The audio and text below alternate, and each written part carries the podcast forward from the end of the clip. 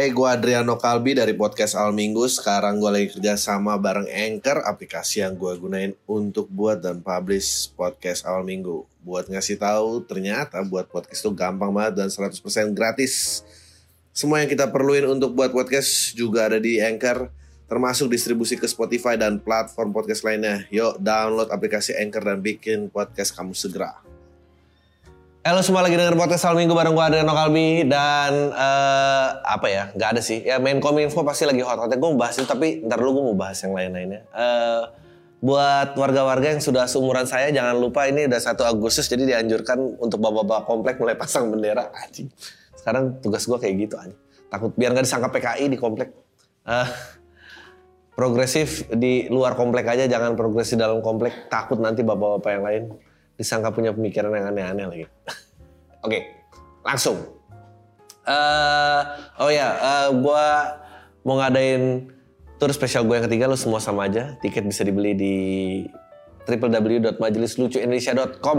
Eh gua happy banget dengan antusiasme yang ada. Eh ya dan happy juga abis promo di somasi. ya kira-kira kayak gitulah gambaran yang kalau dapetin. Oke, ladang ganja 10 hektar di Gerbek Cianjur ya ampun. Pertama sebesar di ini pertama sebesarnya di luar Aceh, gokil.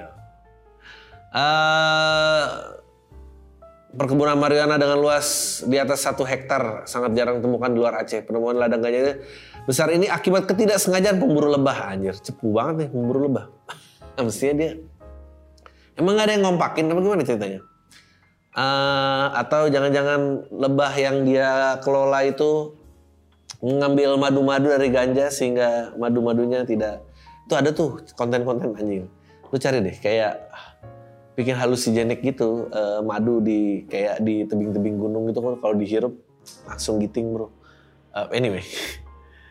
Penemuan ladang ganja s- mahal luas anjing mahal luas. Ini beritanya ngehe banget. Ini bermula dari ketidaksengajaan seorang warga pemburu lebah mendapati tanaman ini terhampar di dalam hutan kawasan gunung Karuhun Anjing yang dikelola oleh BUMN Perhutani. Jaraknya sekitar 10 km dari pemukiman warga terdekat. Oke. Ini jadi punya BUMN apa gimana? Cuma waduh. Buat orang awam mirip daun singkong ya. Memang iya mirip daun singkong. Cabangnya lima gitu kan sama-sama lima. Abang kok kayaknya banyak tahu ya tentang daun ganja. Eh, daun singkong, daun pepaya itu emang sama. Eh, kasihan satu Kapolres Cianjur Doni Hermawan mengatakan total ada 10 hektar lahan perhutani yang dipakai untuk budidaya ganja. Hah? Hanya saja kurang jelas bagaimana cara polisi menghitung sampai keluar angka tersebut. Soalnya ganja tersebar di tujuh titik penanaman. Oh iya dong, benar. Itu dia kan nggak boleh dong satu hektar ganja semua kan repot langsung ketahuan dulu. Dia pasti disaru-saruin lah. Lalu ditemukan cuma 500 batang ganja siap panen berukuran 100 sampai 500 150 cm. Anjing gede banget. 100 cm mah 150 cm ini kayak kolam renang. Dalamnya kolam renang standar 150 cm. Gokil. Padahal di Aceh dari ga- lahan 5,3 hektar aparat bisa menemukan 53 ribu batang ganja siap panen. Oh mungkin ada orang iseng kali ya. Memang yang hebat dari kalau lo dulu kan ada tuh lagu lagunya Kus Plus kalau nggak salah. Saking makmurnya negara ini tongkat kayu dan batu jadi tanaman gitu. Jadi dilempar gitu aja. Sebetulnya itu kayaknya ngomongin ganja kan.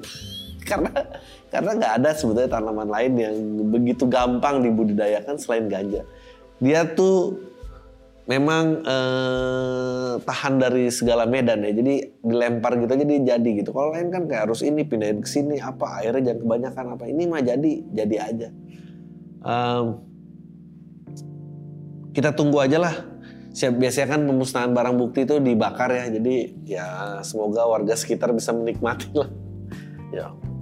Kapan ya kita eh, kemarin kan ceritanya eh, jadi Thailand udah nih. Terus kemarin gara-gara CFD pertama kali lagi dibuka si, ada ibu yang bawa anaknya eh, cerebral palsy apa cerebral palsy salah.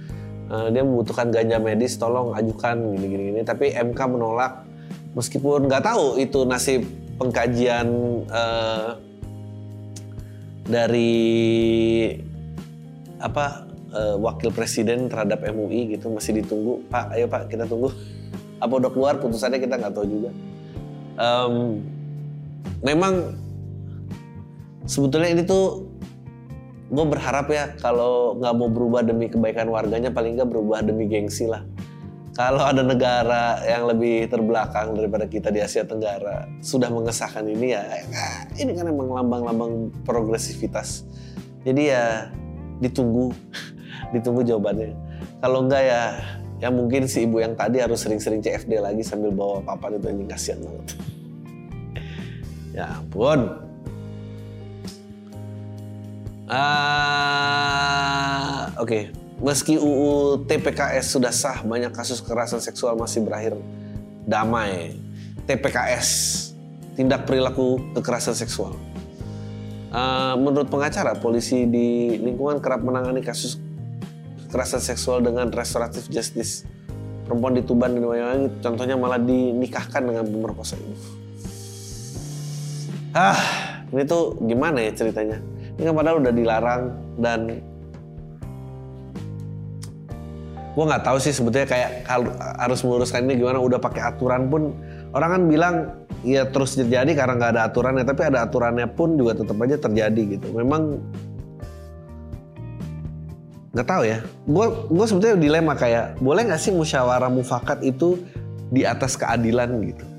Apa emang mestinya keadilan tetap keadilan gitu? Tidak perlu ada musyawarah mufakat karena kalau selama ada musyawarah mufakat aturan apa pun selalu bisa dibengkokkan dan itu kembali lagi ke teknik persuasi masing-masing gitu loh.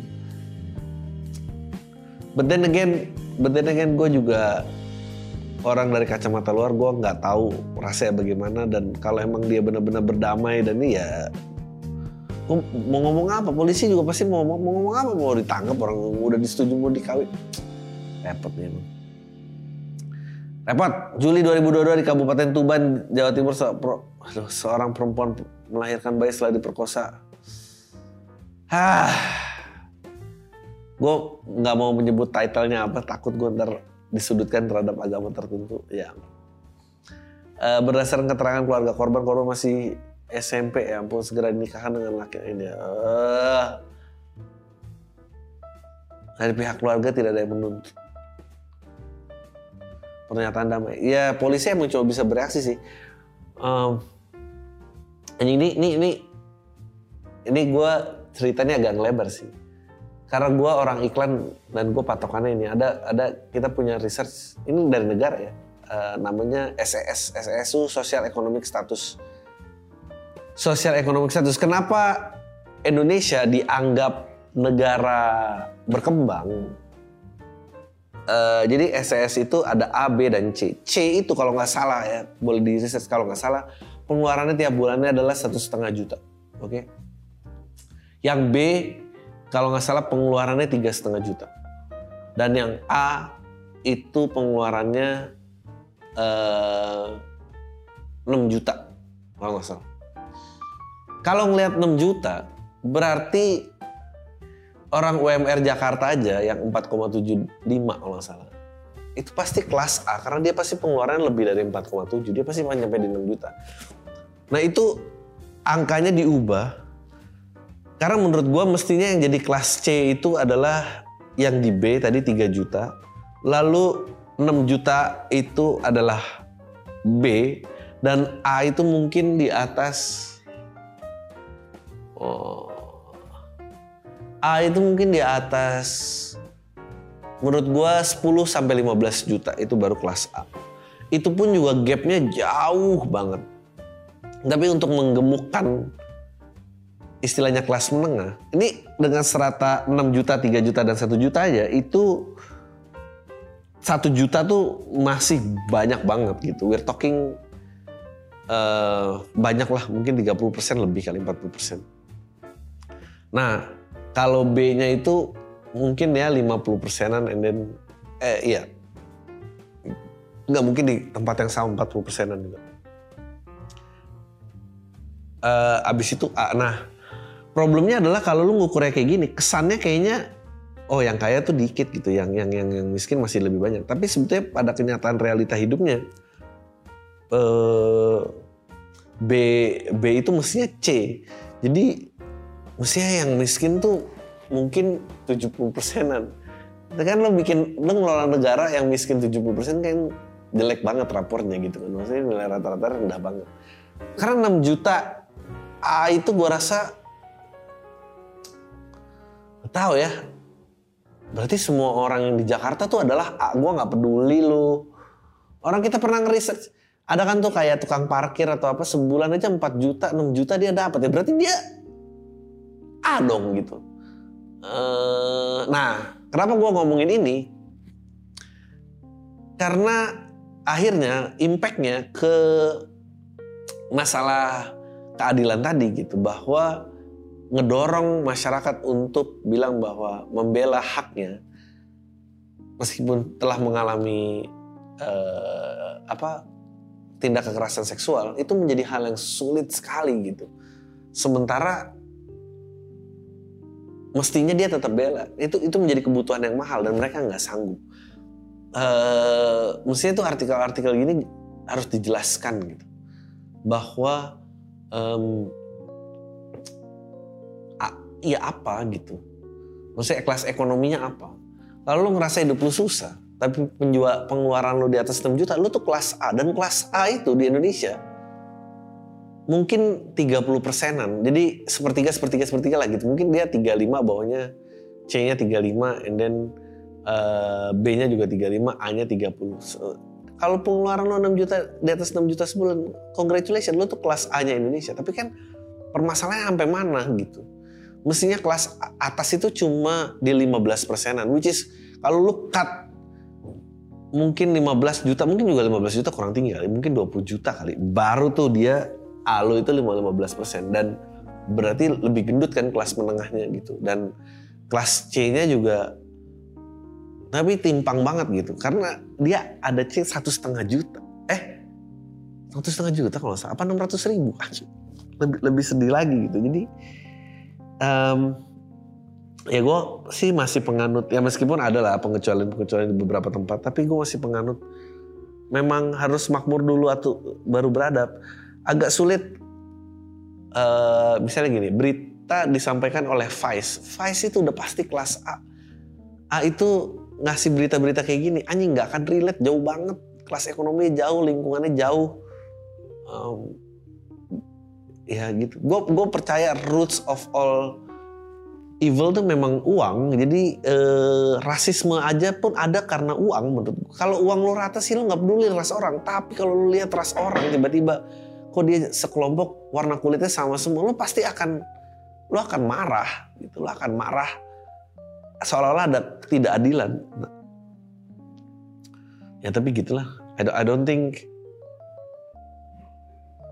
Gue tuh selalu bertanya-tanya, siapa middle class Indonesia? Kalau SES-nya tadi 3 juta, 6 juta, 3 juta, sama satu setengah, apa 800 ribu lupa gue yang C berapa.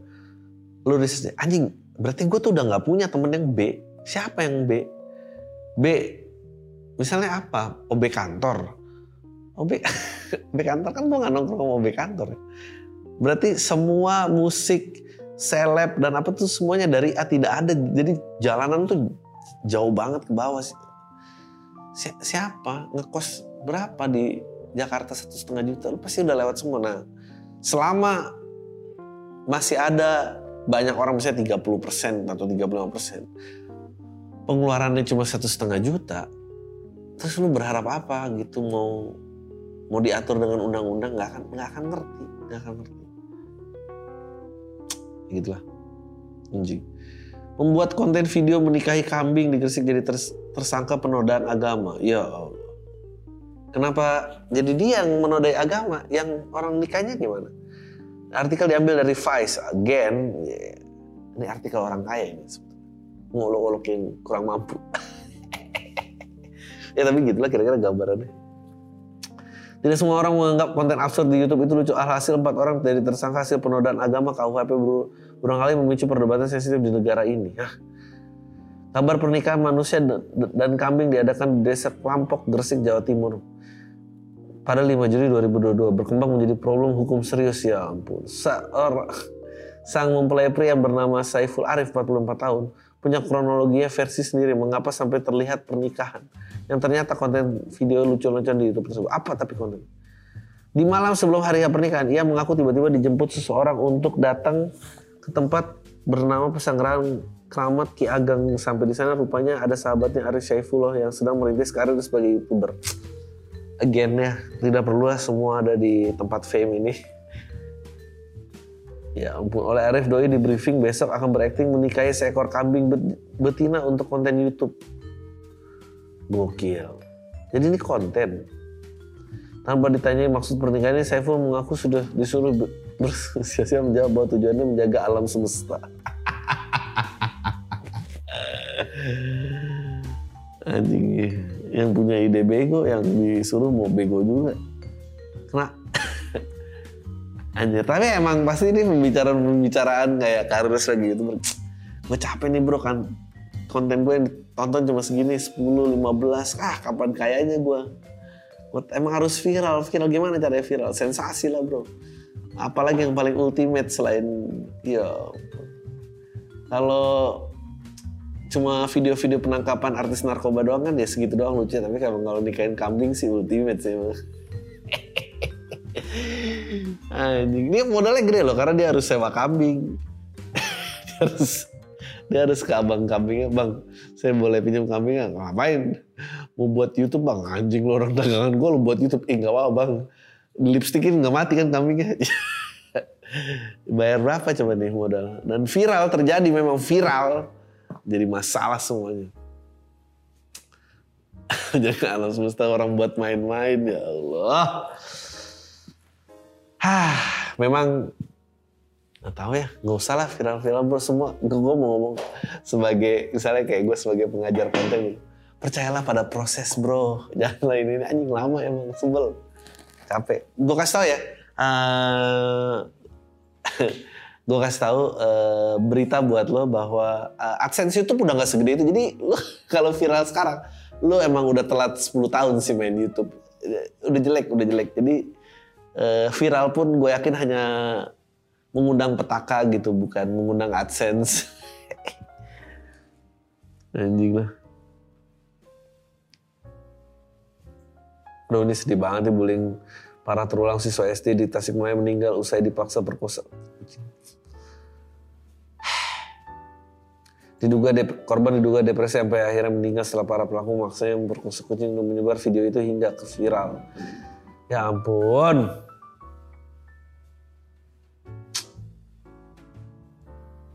11 tahun Singaparna Tasikmalaya. Aduh. Setelah tiga hari dirawat dengan keluhan sakit tenggorokan dan tak bisa makan, gejala fisik ini muncul juga stres. Gue belum, emang viral banget ya, gue belum lihat sih. Ah, ya ini uh, ibunya 39 tahun punya anak 4 kan. Anjing, tapi emang Gak tahu ya, menurut gue emang harus ada aturan sih. Menurut gue kalau lu belum dewasa lu nggak boleh punya HP sih menurut gue. There has to be a rule somewhere gitu. Kita, kita we've gone too far in the name of technology dan freedom of choice. Gak bisa men, udah cabut aja handphone.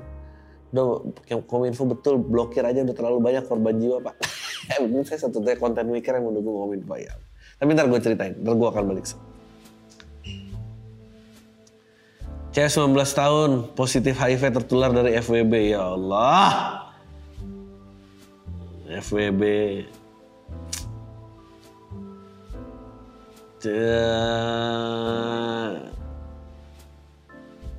Dan cowok turun 6 bulan terakhir bersih ya.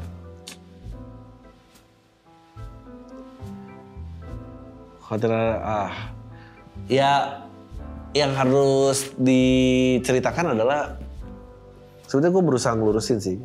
Yang mengerikan adalah waktu HIV merebak di tahun 80-an di Amerika itu sama persis seperti uh, kita menangani COVID gitu. Uh, dia belum menjadi pandemi tapi kayak ya udah gitu. Dan dia langsung mensegregasi dan langsung uh, solusi pertama adalah biar penyebaran tidak lagi besar, strategi pertama adalah menakut-nakuti akan kematian. Dan dan itu juga waktu itu kita lakukan sama. Nah permasalahannya adalah eh, permasalahannya adalah sekarang kemajuan medis sudah jauh melebihi itu tapi stigmanya tidak dirubah. Jadi pemerintah ngeluarin dana untuk menakut-nakuti tapi nggak ngeluarin dana lagi untuk memulihkan hal tersebut gitu. Eh, kemajuan medis sudah jauh. Eh, semoga yang menderita ini ya bisa melakukan treatment dan dan dan it's it's not a death sentence anymore gitu. Jadi eh, jalanin aja. I think you can you can live normally. Hidup masih panjang. Eh, ya nggak tahu ya apakah konten ini bisa membantu menghilangkan stigma. Eh, I don't know. Tapi ya Magic Johnson, Magic Johnson masih sehat walafiat. So harapan hidup besar. Jadi kan pasti menyeramkan lah 19 tahun kasih death sentence kayak gitu. Oke, balik lagi ke problem yang pertama. Menkominfo. Ini, ini, ini menarik nih. Menkominfo blok PayPal hingga memberikan kancah e-sport dan hajat hidup freelancer. Uh, gue punya gue punya teori gue punya teori konspirasi. Uh, gue rasa podcast Al Minggu pengen menjadi podcast konspirasi konspirasi aja. Bla bla bla bla lu udah tau lah berita ini. Yang mau gue bahas adalah kenapa baru dilakukan sekarang. Karena menurut gue mau pilpres bentar lagi. Karena menurut gue yang mereka incar adalah Facebook dan Instagram. I think pelajaran dari rendang babi adalah uh, bagaimana cara uh, gue sih percaya mereka lagi mapping uh, isu apa yang kira-kira bisa digunakan. Uh, isu-isu progresif juga dilempar. Tapi tampaknya yang ramai adalah kalau isu-isu yang membelah terus tarung jadi perdebatan yang merasa progresif menghina-hina yang konservatif. Uh, jadi oh ternyata paling bikin ramai adalah ini. Dan orang-orang yang merasa progresif uh, dilempar isu-isu progresif pun tidak ramai gitu. Contohnya uh, apa Wapres minta ke MUI tentang uh, ganja itu terus apa namanya uh, Puan sempat ngajuin perempuan cuti hamil 6 bulan nggak ada reaksinya yang ramai adalah Sarah isu Sarah uh, uh, rendang babi dan pria menikahi kambing ini uh, dan dan pelajarannya apa pelajarannya adalah data baru bereaksi pada saat isu-isu seperti ini dilempar dan gua takutnya dari tahun depan mark my words. Lu lihat siapa yang udah dilepas, siapa yang ditangkap, isu apa yang lagi dilempar. Uh, itu akan jadi permainannya seperti kita uh, pemilihan presiden tahun 2019. Dan dan dan gue, nah balik lagi ke Kominfo. Jadi dia pengennya terdaftar, lalu dia bisa mengendalikan isu-isu tersebut karena akan merugikan orang banyak. Nah, problem yang sangat disayangkan adalah, ntar kita balik lagi ke urusan itu. Kan otak gue gitu yang muter-muter. Kita balik lagi. Problem yang sangat disayangkan adalah, sebetulnya gini, kalau gue ngelihat peta market, market paling besar tuh, market paling besar, bukan paling besar sih, paling besar di kapitalisasi itu Amerika Serikat. Dia warganya mungkin 350 juta. Amerika Serikat, kan perperangan udah nggak boleh nih. Dulu kan ada namanya God Glory Gospel. Lalu setelah Perang Dunia Kedua, sepakat jangan perang-perangan lagi meskipun ada selalu ada lah perang-perang yang dilakukan Amerika in the name of uh, membebaskan negara. Nah, dia kan berusaha bagaimana sekarang menjajah orang dengan kapitalisme gitu. Market-market yang besar tuh apa aja sih? Uh, China karena asetnya adalah warga negara. China itu ada 2 miliar ya kalau nggak salah ada 2 miliar orang. Ini sepertiga penduduk dunia, hampir sepertiga loh. Mas, masyarakat dunia itu 7 miliar loh, atau 7 miliar, 7,1. Di Cina 2 miliar sendiri. Lalu ada India, uh, in, lalu ada India, India tuh mungkin di 500 jutaan. Tapi gimana caranya menjajah melalui kapitalisme dan entertainment ya? Gue harus jawab entertainment. Waktu itu juga ada Jepang, karena Jepang juga or, or, kalah Jepang tuh termasuk contoh negara yang lahir setelah Perang Dunia Kedua. Karena habis dibom Hiroshima Nagasaki, dia negaranya udah lama tapi dia restart. Nah, Yang dia lakukan adalah eh, dalam mengembangkan negaranya dia memblokade, dia tidak terima impor dari negara lain. Mungkin juga karena sanksi, tapi dia di situlah kesempatan mengembangkan branding-brandingnya di dalam gitu. Seperti ya waktu itu otomotif arahannya Honda, Suzuki dan segala macam. Eh, gue Adriano Kalbi dari podcast Al Minggu. Sekarang gue lagi kerja sama bareng Anchor, aplikasi yang gue gunain untuk buat dan publish podcast Al Minggu. Buat ngasih tahu, ternyata buat podcast itu gampang banget dan 100% gratis. Semua yang kita perluin untuk buat podcast juga ada di Anchor, termasuk distribusi ke Spotify dan platform podcast lainnya. Yuk, download aplikasi Anchor dan bikin podcast kamu segera. Dan pada saat itu dia gencar banget untuk ekspor. Jadi dia bagaimana caranya bisa menjajah dengan cara lain. Ya Amerika nggak bisa masuk.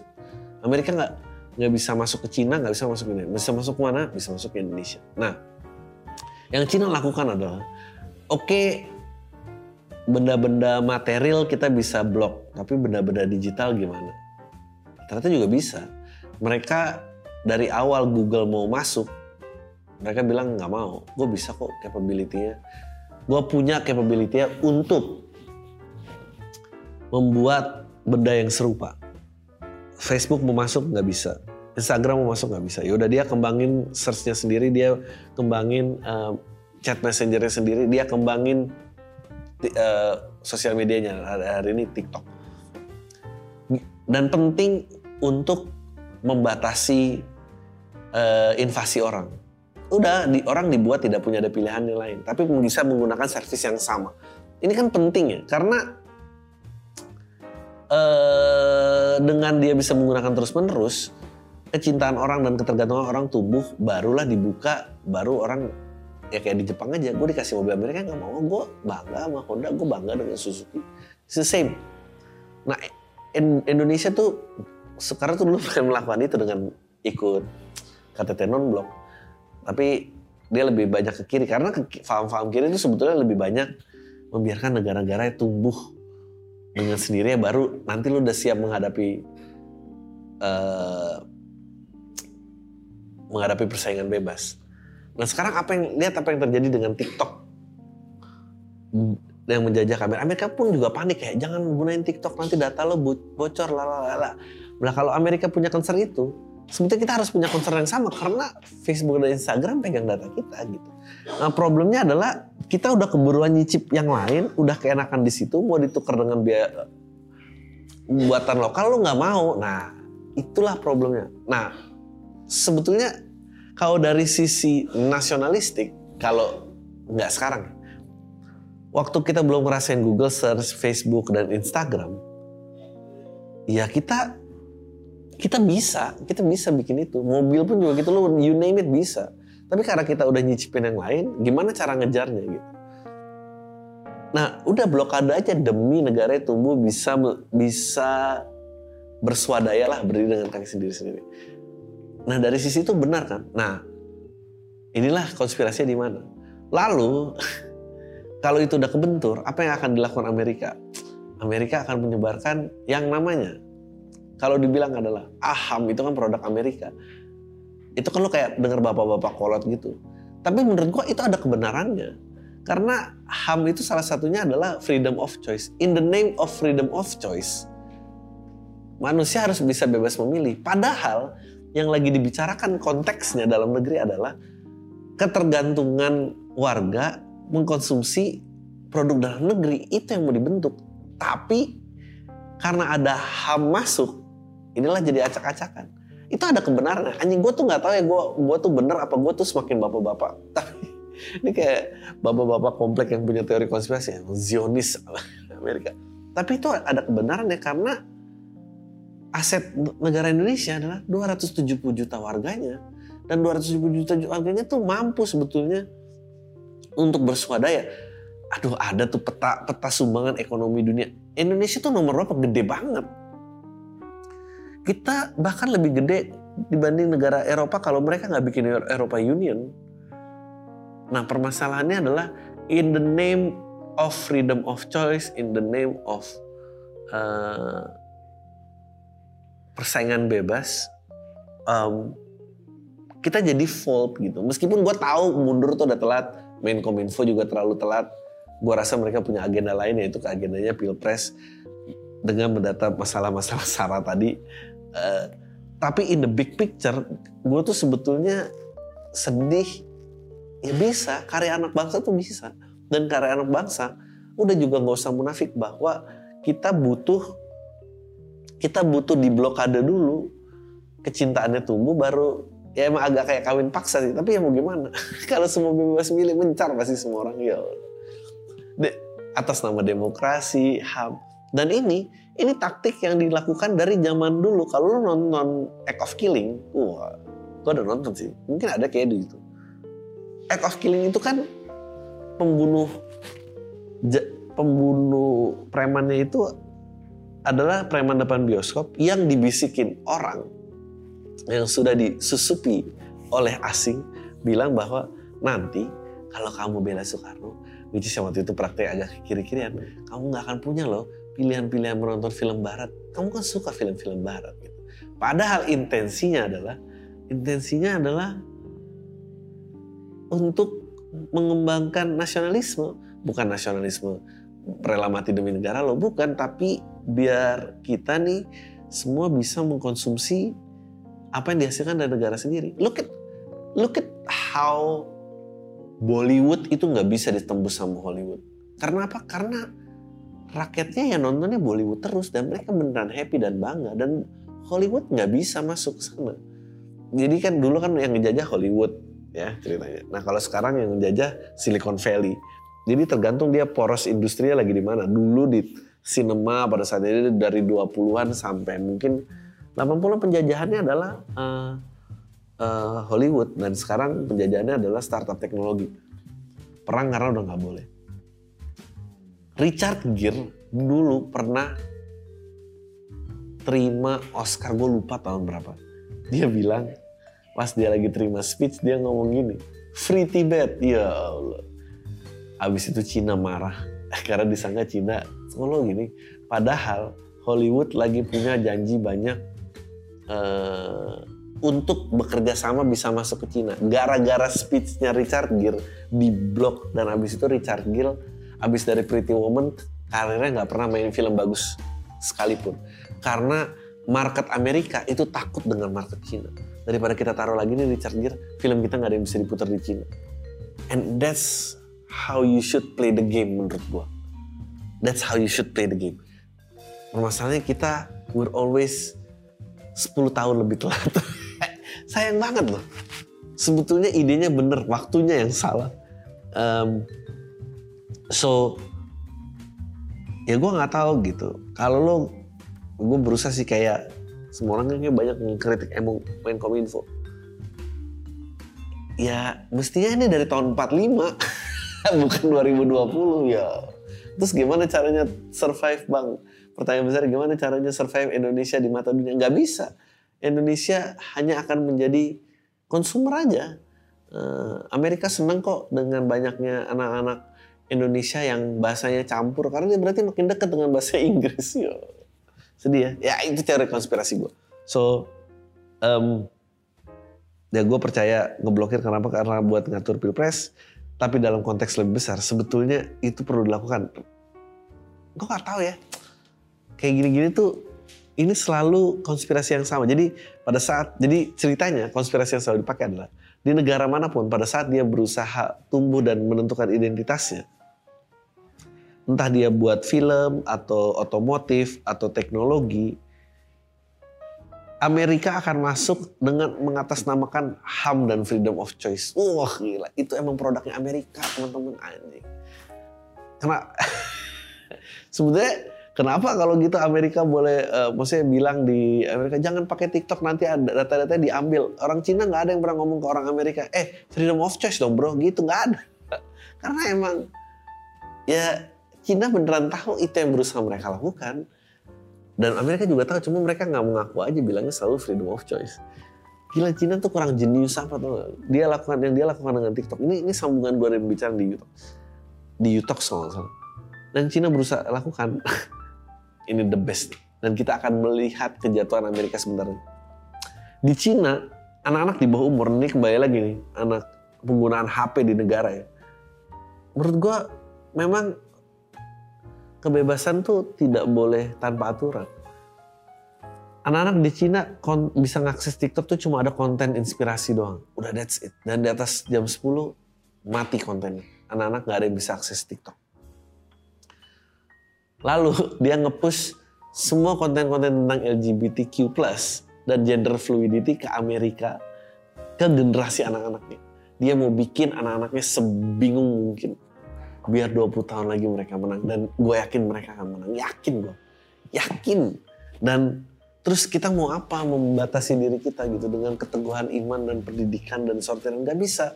Lingkungannya harus bisa di manufacture seolah-olah ada freedom of choice tapi diarahkan untuk kebaikan. Wah gila. Menkominfo nggak mau hire saya. Jax dah kita aja. Let's go read the questions. Eh, gini gimana teori konspirasi? Gue yakin gue nggak punya bukti tapi gue yakin nggak salah-salah amat. Ya. Oke. Lilit pinjol ngaku bipolar ya Allah sih. Halo Andre dan kawan-kawan gue cewek umur 20 tahun masih muda banget dan gue baru mau jadi pendengar podcast lo akhir-akhir ini. Gue mau cerita tentang hidup gue yang menurut gue apes banget. Jadi gini bang, pas SMA tahun 2018 kemarin bokap gue bisnisnya hancur waktu itu kami jatuh miskin bahkan duit buat makannya kita hemat-hemat biar bisa bertahan lama gue nggak pernah hidup semiskin ini bang gue nggak bisa ikut studi tour karena nggak ada duit padahal teman sekelas semuanya ikut gue nggak berani minta duit buat ongkos sekolah dari sekolah kadang-kadang gue pulang jalan kaki alhamdulillahnya pertengahan kelas 11 covid datang jadi gue nggak perlu mikirin duit ongkos sama duit jajan buat pergi sekolah Selesai SMA ternyata hidup gue masih tetap miskin. Sementara gue harus kuliah dan ikut tes SBM. Mau nggak mau karena teman gue ikut semua. Padahal gue berdoa semoga aja nggak lulus karena emang nggak ada duit. Doa gue terkabul gue nggak lulus tapi temen gue masuk PTN terkenal. Beberapa ada yang masuk jalur mandiri. Tapi gue nggak ikut karena biayanya pasti lebih mahal. Gue rada bingung harus senang atau sedih. Waktu itu gue masih gengsi jadi orang miskin aja lucu banget. Akhirnya gue bilang kalau gue mau ngambil gap year dan mau ikutan tes lagi tahun depan. Ternyata setelah agak lama jadi orang miskin, akhirnya ini gue baru berani ngomong kalau gue nggak kuliah karena nggak ada duit. Gue berani ngomong setelah bisnis bokap gue membaik dikit demi sedikit. Sampai gue rencananya mau kuliah sambil kerja tahun ini. Oh ya bang, selama setahun di rumah gue sibuk sebarin lamaran kerja dan bikin bisnis kecil-kecilan yang penghasilannya cukup buat beli kuota sama skincare gue doang anjing lucu banget. Tiba-tiba nih abang gue datang ngambil mewek-mewek ternyata dia kelilit hutang dipinjol yang lumayan, jumlahnya lumayan gede. Abang gue orangnya problematik parah. Sekarang dia umur 30-an masih pengangguran, belum nikah. Selama kami miskin dia nggak ada usaha buat kerja dan bantu ekonomi keluarga. Dia nggak keluar dia nggak keluar kuliah bang. Di rumah kerjanya cuma tidur nongkrong nggak mau minta duit rokok. Dia nggak akur sama orang tua di rumah. Ya iyalah pasti 30 tahun cuy masih di rumah minta duit rokok mau diapain? Ini pasti eh, calon-calon bapak-bapak penyebar konspirasi di komplek ya suruh jadi pengurus RT aja lah. Lumayan itu balikin nama baik keluarga. Uh, dia ngaku kalau dia pakai duitnya buat nggak bener kayak mabuk cewek sama obat. Gue nggak tahu obat apa yang dia konsumsi. Katanya dia penderita bipolar dan sebagian duitnya dipakai ke psikiater. Gue udah agak gue nggak kuat. Gue udah nggak kuat pengen nonjok dia bang. Gue nggak percaya kalau dia tuh bipolar. Gue juga tahu itu mah akal-akalan dia dong biar nyari alasan biar dimaklumin gue jadi kesel tiap ada influencer yang membahas bipolar tiktok tiktoker yang bahas mental health pengen gue berakin satu-satu. Yang paling lucu dia ngomong pengen banget bunuh diri. Gue bilang eh gampang banget lu pengen mati bayar dulu utang lu. Anjing gue nggak peduli bang dia mau mati atau nanti pun. Yang penting utangnya nggak jadi beban yang hidup. Anjing lucu banget. Gue udah hasut bokap supaya usir dia anak dajal tapi bokap malah takut dia malah makin aneh-aneh kalau di luar dan makin nyusahin. Saran bang kira-kira kapan gue harus masuk kuliah tahun ini? Tahu gap year lagi. Semoga lu bacain sebelum pendaftaran tutup. Gue ngetik ini sambil emosi sekian cerita semoga lu dan tim sehat-sehat bang. Eh tapi gue setuju banget sama lu. Jangan-jangan kalau kita tadi bicara konspirasi tadi ya, jangan-jangan ya nggak gue percaya mental health isunya ada. Tapi sebaiknya ya mental health itu isu orang kaya aja.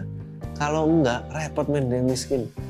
Menurut gua menerima realitas kondisi ekonomi lu dan lo harus berjuang seperti apa itu harus lu lakukan secepat-cepatnya kalau lu nggak bisa terima habis men lu bro gue aja nih yang nggak terkenal terkenal banget